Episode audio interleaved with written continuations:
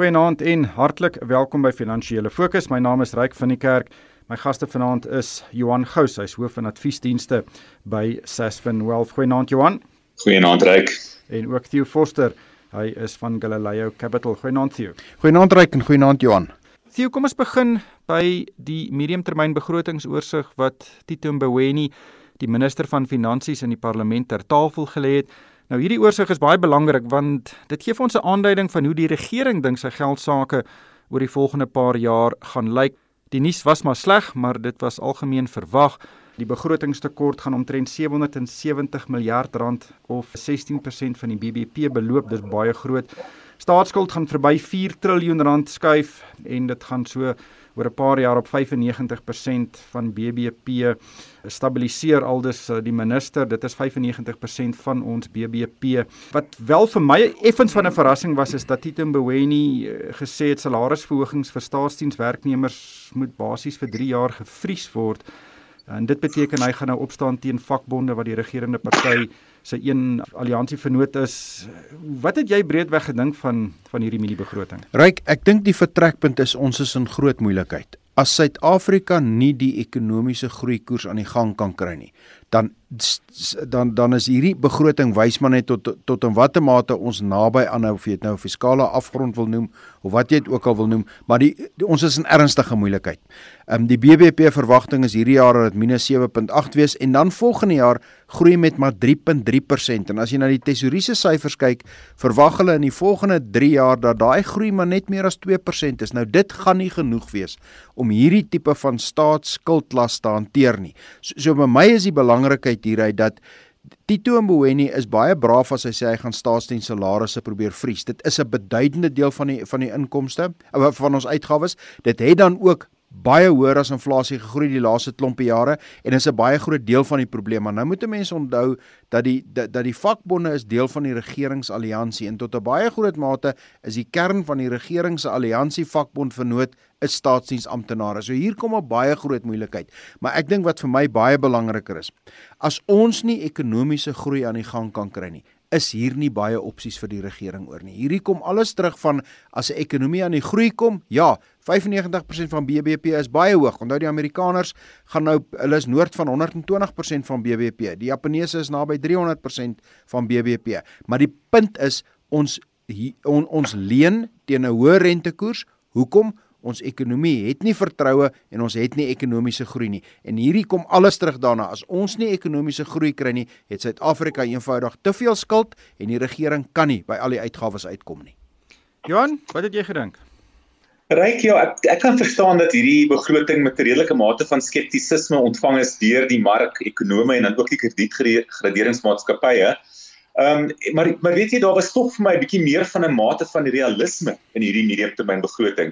In Junie nog met die aanvullende begroting was die boodskap dat ons na 'n 3 jaar periode tot fiskale konsolidasie kyk en ek dink hierdie 5 jaar periode is vir my meer realisties gegee met die huidige tendense wat ons tog sien rondom ons staatsfinansies. Maar maar hy selfs dan bly daar 'n paar onsekerhede wat ruimte vir teleurstelling laat teen 2025 ons moet eerstens 'n ryke wenkultuur ontwikkel waarin ons planne wat ons maak in aksie en resultate omskep word.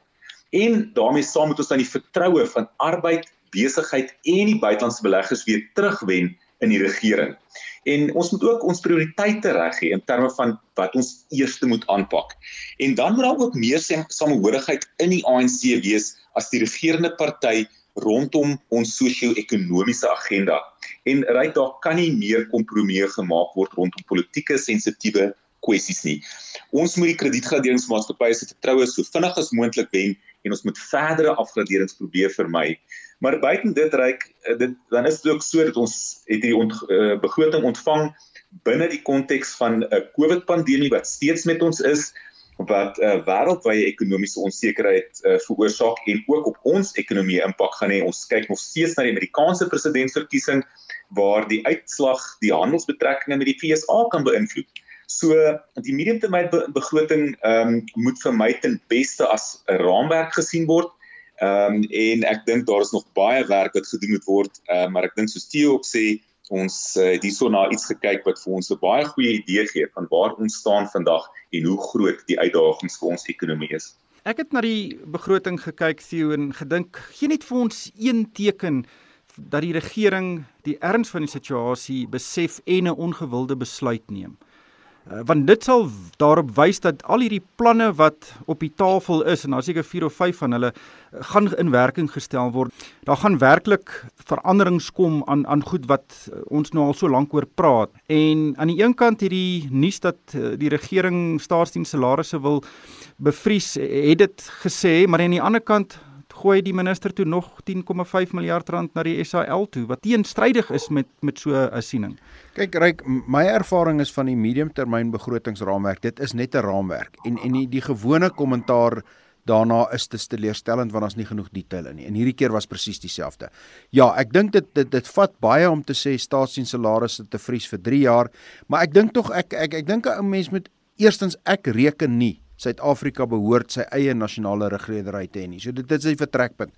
Maar ek dink ook hier is Matito Mbeweni ook nie. Ja, maar ek dink hier's kontraktuele verhoudings. Ek dink hier's die probleem is as jy kontrakte het en staatswaarborge in plek het. Onthou dis baie erger vir 'n regering om te sê ek stap weg van 'n onderneming.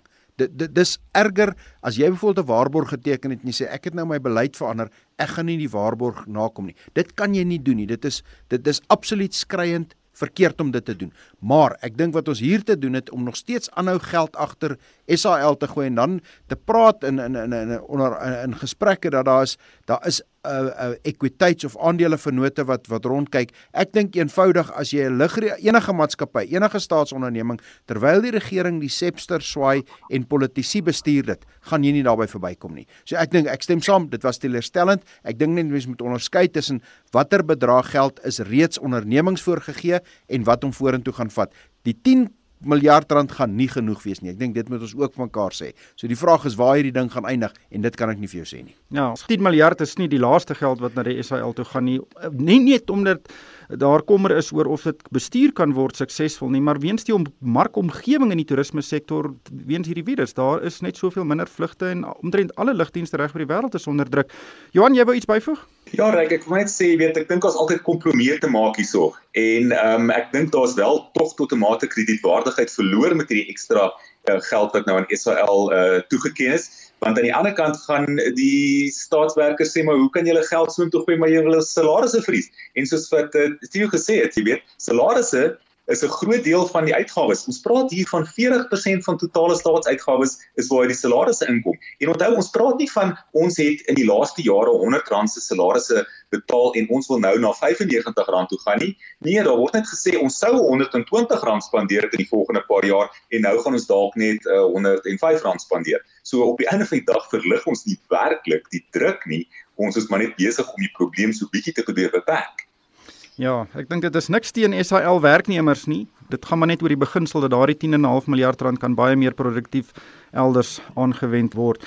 Johan, ek bly sommer by jou. Kom ons gesels oor Marcus Jooste, die gedragsowerheid van die finansiële dienste sektor of die FSCA het hom met 162 miljoen rand beboet oor binnehandel en dit spruit uit 'n SMS wat hy aan 'n paar mense gestuur het op 30 November 2017 net voordat Steinhoff nou in duie gestort het en hy het vir hulle gesê luister hier kom moeilikheid verkoop julle aandele en 'n paar mense het daarop gereageer. Uh, wat het jy gemaak van die FSCA se boete? En reik ek dink as al baie beleggers het dit sê dit is geensins genoeg vir die skade wat aangerig is nie. Ehm um, en uh jy weet hierdie uh, boete wat aan hom uh, toegeken is uh, kom saam met die die jongste verwikkeling wat ons nou vanoggend in die pers ook gesien het in terme van ehm um, die valke wat nou beweeg het op 'n uh, sekere van die ehm um, die kwessies rondom uh jy weet ook jou jou bedrog en geldwasery uh teen uh oor die Mayfair speculator besigheid wat daar is. So ek dink vir my uh punt 1 is dit belangrik uh, en goed om te sien dat daar ten minste nou al 'n boete toegeken is in hierdie saak uh deur die gedragsowerheid en tweedens ook met hierdie jongste nuus wat uitkom is dit ook vir my goed om te sien dat die valke begin nou ook te beweeg op hierdie saak uh, as ons kyk na wat die wat die vordering nou al reeds was rondom die saadskaping en in korrupsie sake maar ryk weer eens uh soos met met die Steinhoff ehm um, maatskappy ondersoek wat daar besig is uh, op die oomblik dit is dis 'n baie komplekse situasie wat hier mee deel en ek dink dit gaan nog 'n lang tyd vat voor ons presies weet wat alles gebeur het en eintlik waarvoor meneer Jooste moet pa staan Ek dink dit gaan baie lank vat, Ryk. Ek dink 'n mens moet verwag dat dat meneer Jooste en en die die ander partye by betrokke veral die wat beboet is, ek sluit nou die mense uit wat on, wat nie beboet is nie, gaan met baie ernstige regsprosesse begin. Nou moet jy onthou, ons reguleerders kyk hier na die uh die Duitse reguleerder kyk hier na teenoor die Duitse vervolgingsgesag wat begin nog voor ons die die in Amsterdam kyk hulle hierna dit is 'n komplekse saak dit gaan baie tyd vat maar ek dink soos ons maar gewoond is aan die regsproses en miskien soveel te meer in Suid-Afrika dis 'n stadige wiel wat draai en ek dink al hierdie goed is maar dele van daai wiel wat draai en ek dink hopelik as 'n mens oor 'n jaar of 3 terugkyk, dan sal jy begin sien dat daar geregtigheid geskied. Ek verwag definitief nie hierdie hierdie is die einde nie. Ek dink nie hierdie mense gaan almal hulle chequeboeke uithaal en betaal nie. Ek dink inteendeel, hierdie is die eerste skote van net nog 'n 'n hoek van baie lang regsgedinge. Die owerhede is besig op die oomblik die spesiale ondersoekeenheid, die valke, die nasionale vervolgingsgesag en die hele klomp mense in hegtenis geneem in verband met die staatstenders tydens COVID-19 en nou hierdie. Dit is iets wat my opgewonde De, maak. Ten minste gebeur daar iets op daardie front. Dis baie positief ryk en ek dink nie ons moet onderskat so 2 maande gelede toe president Ramaphosa die terme van die Zondo-kommissie verander het en hy het in effek wat hy gedoen het is hy hy hy die uit die vervolgingsgesag of of die, die dit wat geondersoek word by die Sondekommissie het hy beskikbaar gemaak om te gebruik word deur die vervolgingsgesag.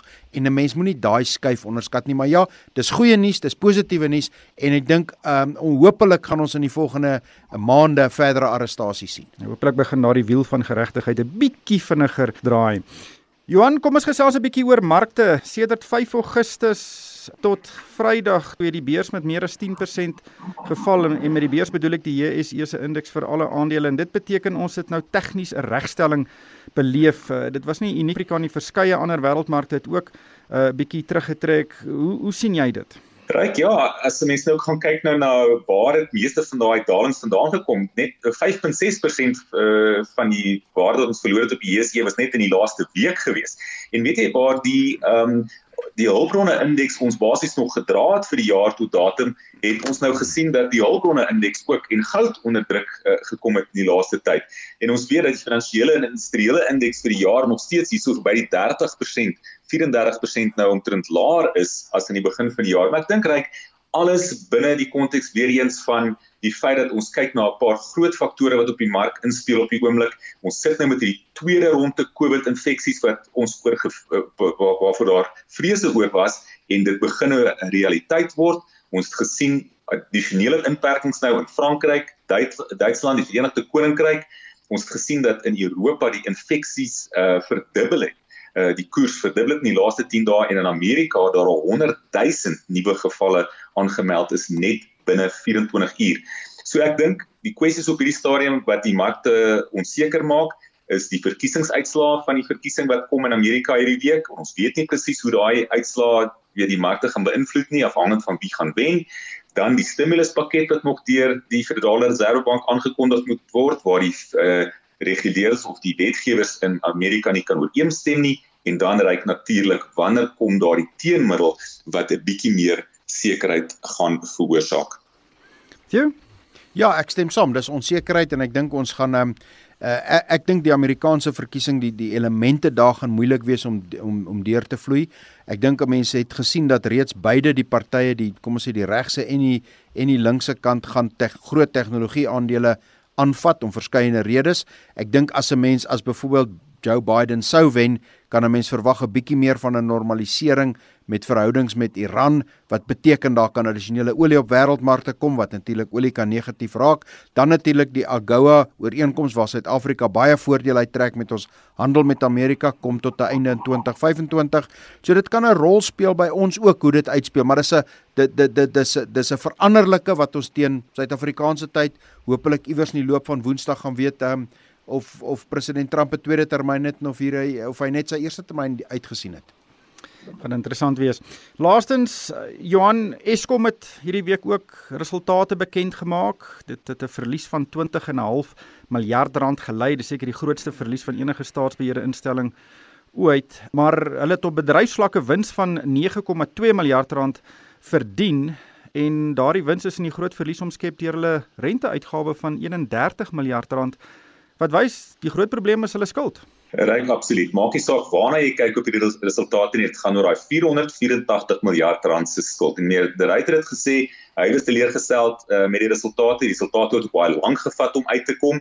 Maar ehm um, jy weet, die skuldsituasie het ons het 'n uh, uh, dit het 'n impak uh, op ons land in terme van ons fiskus. Ons het gesien in die mediumtermynbegroting wat ons vroeër oor gepraat het, hoe groot die uitdaging reeds is. Dit het 'n impak op besigheid, op verbruikers as gevolg van hoër tariewe En, en dan natuurlik weer eens die kredietgederingsmaatskappye kyk hierna en sê wat gaan julle doen om hierdie skuldsituasie aan te spreek anders te gaan as julle verder afgradeer en gaan julle nog meer rente betaal want ons betaal op hierdie stadium 21 sent van elke rand van die regering se uitgawes net aan ons rente. So Eskom spandeer omtrent 1 miljard rand aan rente per nie volhoubaar nie. Ek dink van die goed wat bietjie positief was, is die feit dat hulle redelike sterk uh, werk begin maak aan die slegste skuld by munisipaliteite met daai 28 miljard rand wat uitstaande bly, nog steeds 'n geweldige syfer.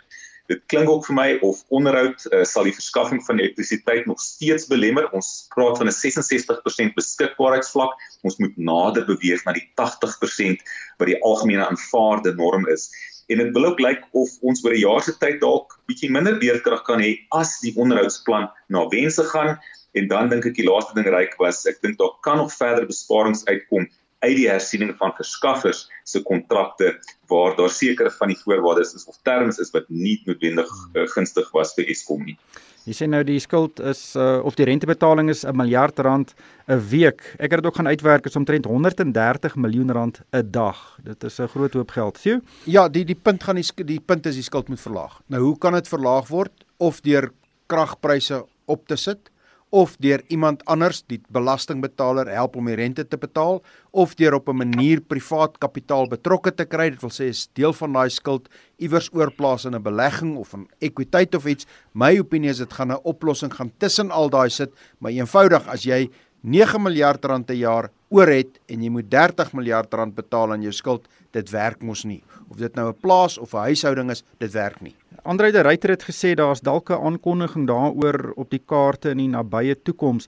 En die enigste opsie wat nog sover op die tafel gesit is, is dat die ehm um, staatspensioenfonds daardie skuld oorneem. Wel, ek dink 'n groot deel daarvan ten minste. Nou die staats laaste ook gekyk het dat die staatspensioenfonds se blootstelling is iets soos 90 miljard van hierdie 480 miljard. 90 was op 'n tyd baie toe dit net 300 was, maar goed. Dis so iewers gaan van daai goed. My opinie is dat dit gaan deel wees van jy gaan Eskom opbreek en daar is 'n deel in Eskom, byvoorbeeld die distribusienetwerk wat maklik privaat kapitaal sal kan trek. Dis deel van die oplossing. Deel van die oplossing gaan wees ons gaan ongelukkig hoër tariewe moet hê en die ander deel van die oplossing gaan wees op een of ander manier gaan die belastingbetaler moet help met die renteuitgawe. Maar hier kom maar hierdie oplossing, hier's nie 'n een eenvoudige oplossing nie. Hierdie gaan 'n klomp elemente wees wat 'n klomp mense gaan moet bydra om Eskom om sy voete te hou. Daai noot sal ons met haltroep. Die tyd het ons ingehaal. Baie dankie aan Johan Gous, hy's hoof van adviesdienste by Sasfin Wealth en ook Theo Forster van Galileo Capital. En vir my ryk van die kerk, dankie vir die saamluister en ek hoop almal het 'n winsgewende week.